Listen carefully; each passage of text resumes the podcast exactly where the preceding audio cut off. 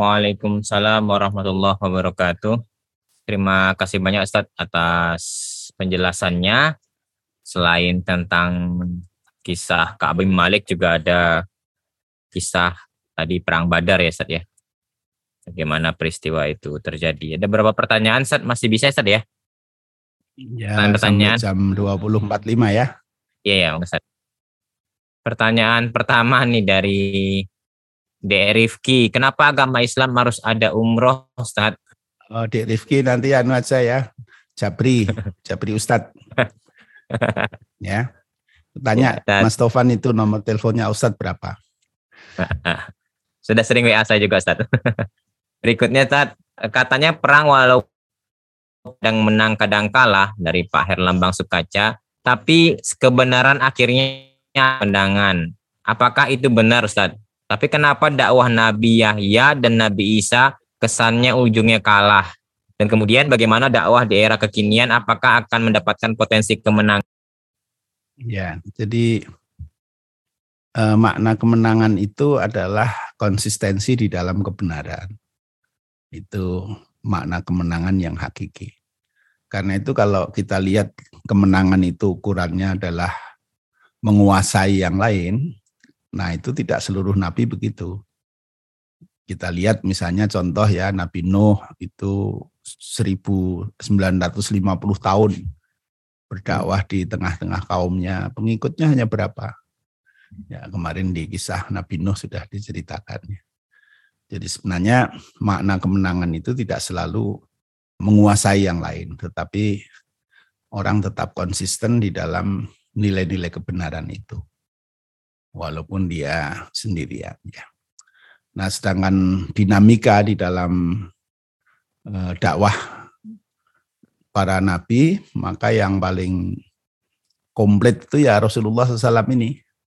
Karena beliau memulai dakwah dengan cara-cara yang tanpa konfrontasi ya selama 13 tahun di Mekah ya. Kemudian harus berhadapan dengan musuh-musuh yang menyerbu ke Madinah sampai di perang Hondak ya kemudian setelah itu Nabi juga mengirim pasukan-pasukan keluar untuk menghadapi orang-orang yang menghalangi eh, dakwah begitu. Nah, di dalam peperangan itu ya pernah menang, pernah kalah. Jadi misalnya di perang Uhud itu de facto-nya ya kalah. Di perang Badar itu menang, di perang Uhud itu kalah. Jadi 70 sahabat terbunuh, bahkan Nabi pun dikabarkan terbunuh ya. Khalid bin Walid yang memimpin orang-orang Quraisy di perang Uhud itu merasa yakin Rasulullah sudah terbunuh. Karena itu dia kemudian menarik pasukannya, menghentikan perang itu karena sudah yakin dia menang dan telah berhasil membunuh Rasulullah. Jadi ya namanya perang bisa kalah, bisa menang itu terserah Allah saja yang akan memberikan kekalahan kemenangan itu. Nah, tetapi bahwa dalam situasi apa pun itu selalu ada dilihat ya konsistensi. Konsistensi di dalam orang berpegang kepada ajaran Allah itu. Bahkan kekalahan-kekalahan di dalam peperangan itu sering dijadikan sebagai alat untuk Allah menyaring siapa yang masih tetap konsisten di dalam keimanannya ya.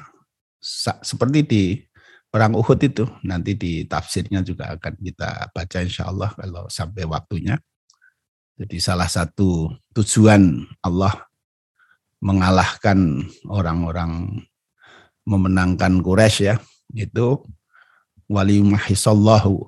Jadi Allah ingin menyaring siapa-siapa di antara pengikut Rasulullah itu yang memang konsisten dengan keimanannya dan siapa yang tidak konsisten. Nah karena itu ketika mendengar Rasulullah terbunuh dan perang Uhud itu kalah, sementara cerita heroik perang Badar yang luar biasa ya dengan jumlah sedikit dan mereka menang. Di sebaliknya sangat kontradiktif di perang Uhud mereka sudah sangat siap ternyata kalah ya. Nah ini banyak yang ketika di perang Uhud itu kalah kemudian mereka murtad lagi, murtad lagi gitu. Jadi inilah yang diceritakan oleh Allah ya. qad kanat qad khalat min qablikum apa itu ayat Allah itu afa in mata wa ma Muhammadun illa rasul qad khalat min qablihi rusul afa in mata au qutila in qalabtum ala aqabikum. Jadi Muhammad ini hanyalah seorang rasul dan telah banyak sebelum Muhammad ini rasul-rasul. Apakah kalau dia mati atau dia terbunuh kemudian kamu akan berpaling berbalik untuk menjadi murtad lagi. Jadi kisah nabi-nabi terdahulu yang dibunuh oleh kaumnya juga banyak. Jadi ya itu bukan ukuran lah ya, bukan ukuran untuk Eh, menentukan salah dan benar, tetapi ya salah benar itu ya konsistensi kepada ajaran itu. Wallahualam. Nah kalau tahun ke-12, kalau saya tadi menyebut tahun ke-12 Hijriah mungkin salah ya. Yang betul tahun ke-12 kenabian. Ya, tahun ke-12 kenabian, jadi belum ada tahun hijrah, karena tahun hijrah itu nanti baru terjadi, disepakati di zaman Khalifah Umar dan dihitung setelah mulai dari saat tahun ketika Nabi berhijrah dari Mekah ke Madinah. Nah, Bai'ah Aqobah itu terjadi sebelum hijrah ke Madinah. Bai'ah Aqobah satu itu dua tahun sebelumnya, maksudnya tahun satu tahun sebelumnya, haji tahun sebelumnya. Kemudian nanti di Bai'ah Aqobah kedua itu haji tahun berikutnya. Yang kemudian sejak itu Rasulullah mulai menghijrahkan para sahabat ke Medina. Wallahualam. Cukup Ustaz. Jazakumullah khairan kasiro Ustaz atas jawaban-jawabannya. Ya senada dengan ini Ustaz ya, kemenangan itu tidak mesti dalam bentuk zohir yang menyenangkan gitu ya. Lalu Imam Ahmad pun tanya muridnya juga begitu kan Ustaz. Waktu dia di penjara ya. itu saya masih ingat kisahnya ya Ya, kemenangan itu adalah keistiqomahan dalam memegang kebenaran dan tidak bermaksiat kepada Allah. Kalau baca Ashabul Ukhdud itu juga kan masuk semua ke apa itu Ustaz? Ya. Parit itu Ustaz ya. Nah, tapi kan mereka istiqomah dalam kalimat tauhidnya. Terima kasih Ustaz dari 2045 ada dua pertanyaan lagi, eh satu pertanyaan lagi tapi ditampung aja untuk pekan depan karena masih ada sambungan kan Ustaz ya ke Abi Maliknya atau masuk hadis berikutnya masih yang itu juga Ustaz ya?